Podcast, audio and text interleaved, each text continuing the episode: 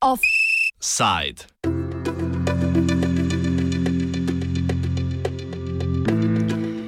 Sindikati proti vladi za dodatke.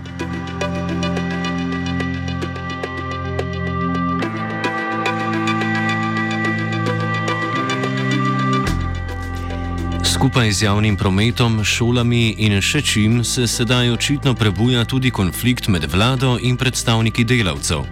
Sindikati javnega sektorja, združeni v Konfederaciji sindikatov javnega sektorja Slovenije, so na današnji novinarski konferenci predstavili ukrepe, s katerimi bodo zahtevali polno izplačilo dodatkov za delo v času epidemije, ki po njihovem mnenju pripada članom.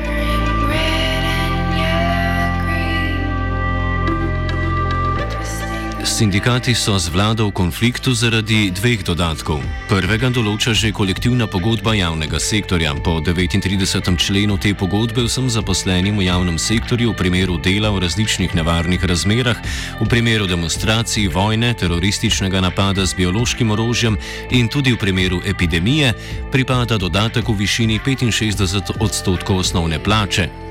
Drugi izhaja iz interventnega zakona. Ta je variabilen, njegovo višino pa glede na izpostavljenost določi funkcionar, ki vodi urad, v katerem zaposleni dela.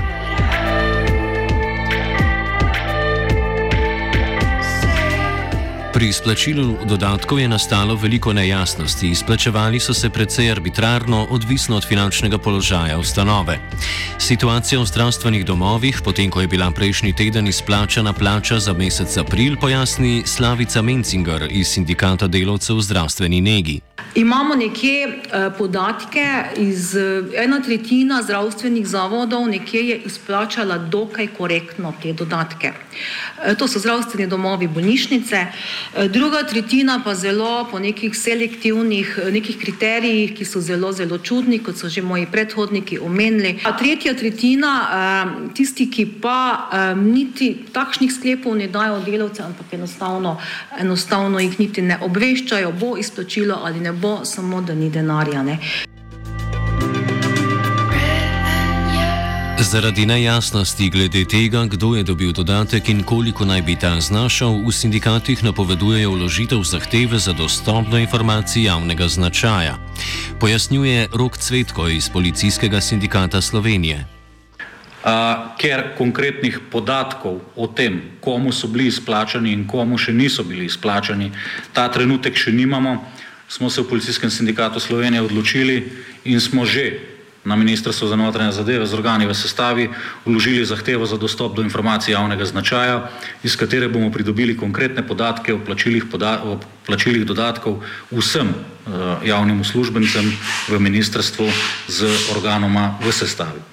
Tisto, kar ta trenutek lahko potrdimo, pa je, da se je pokazalo, da vsi tisti, ki so opravljali delo v času epidemije, dodatkov niso prejeli.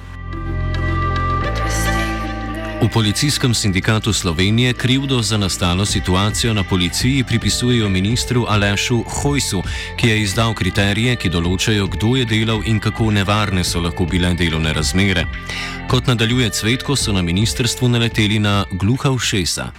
Tako stanje v tem trenutku lahko pripisujemo izključno dejstvu, da je za tako stanje odgovoren neposredno minister z izdajo arbitrarno določenih kriterijev in meril za obračun teh dodatkov, ki so bili izdani enostransko in sindikatom, kot tudi organom v sestavi poslani zgolj kot izvršeno dejstvo samo v vednost.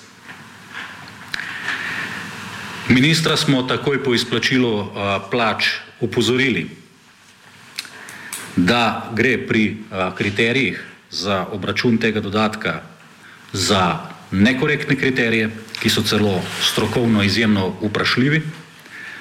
Zaradi tega pa je dodelitev iz naslova obeh dodatkov neobjektivna. Kot je večkrat povdaril predsednik Konfederacije sindikatov javnega sektorja Branimir Štrukal, je po njihovem mnenju ključni problem nepripravljenost vlade na dialog s sindikati. V tem vidijo glavni razlog za nekatera nerešena pravna vprašanja glede odločitev vlade, pravilnost katerih bo preverjalo tudi ustavno sodišče. Nismo mogli in nismo bili, ni nam bilo dopuščeno, da bi lahko participirali z našimi upozorili, z našim vedenjem, s terenom, ki ga poznamo, da ne bi bilo toliko ne samo napak, ampak tudi nezakonitosti, neustavnosti, ki jih te interventni zakoni prinašajo. Eden od razlogov, zakaj bo, bo, bo ta interventna zakonodaja za pet let, kot je rekel predsednik ustavnega sodišča, zabasala vse kanale ustavnega sodišča, je prav to, da se nas ni poslušalo in da, se, da, da je oblast z neko aroganco bila prepričana, da sama najbolje ve, kako se tej reči streže.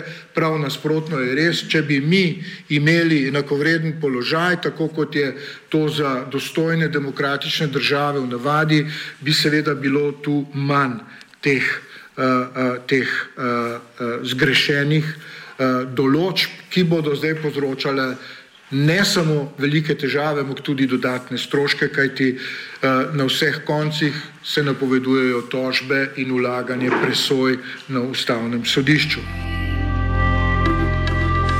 Najbolj sindikate moti delovanje komisije za razlago kolektivne pogodbe za javni sektor, ki je določila, katerim zaposlenim pripada dodatek v višini 65 odstotkov osnovne plače in katerim ne.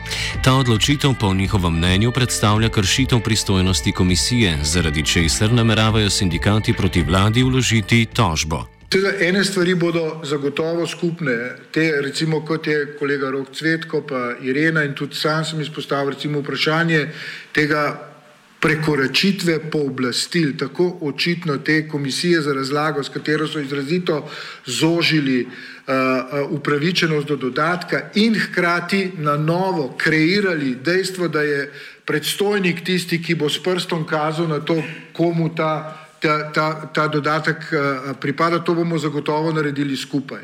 Ne. Vprašanje, zakaj zaposleni v javnem sektorju niso upravičeni do kriznega dodatka, ki ima ime krizni dodatek 200 evrov, samo zaposleni v zasebnem sektorju, je ravno tako vprašanje, ki ga bomo verjetno uh, problematizirali skupaj. Kajti zakaj kuharca v javnem sektorju ne bi bila upravičena do 200 evrov, ki jih dobi kuharca v zasebnem sektorju, to mi ne bo jasno in gre za neenakost, ki kaže neko averzijo proti javnemu sektorju. So pa seveda specifična vprašanja tako v policiji, kot v zdravstvu, kot tudi v šolstvu, pravosodju in druge, ki jih bomo pa verjetno naslavljali posebej. Ampak tega mislim, da sem nekje ujel, da je predsednik ustavnega sodišča rekel, da je že zdaj več kot 50 preizkusov uh, uh, uloženih, uh, kar se tiče te zakonodaje.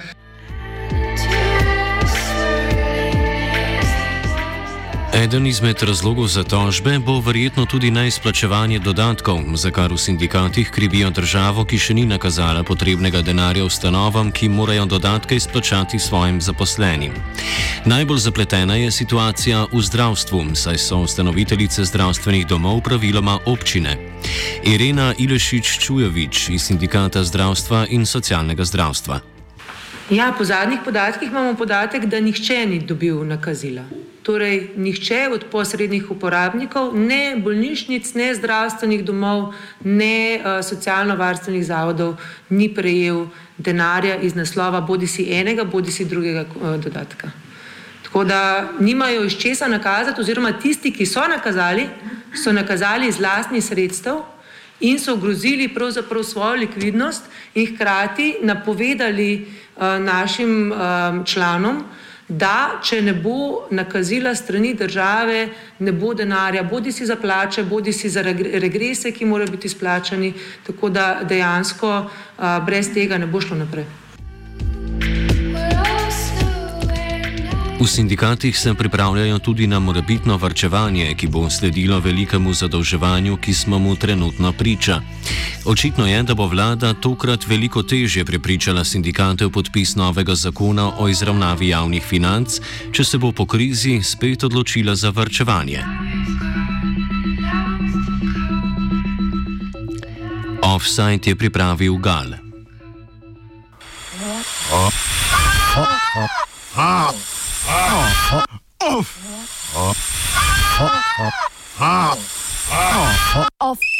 Offside.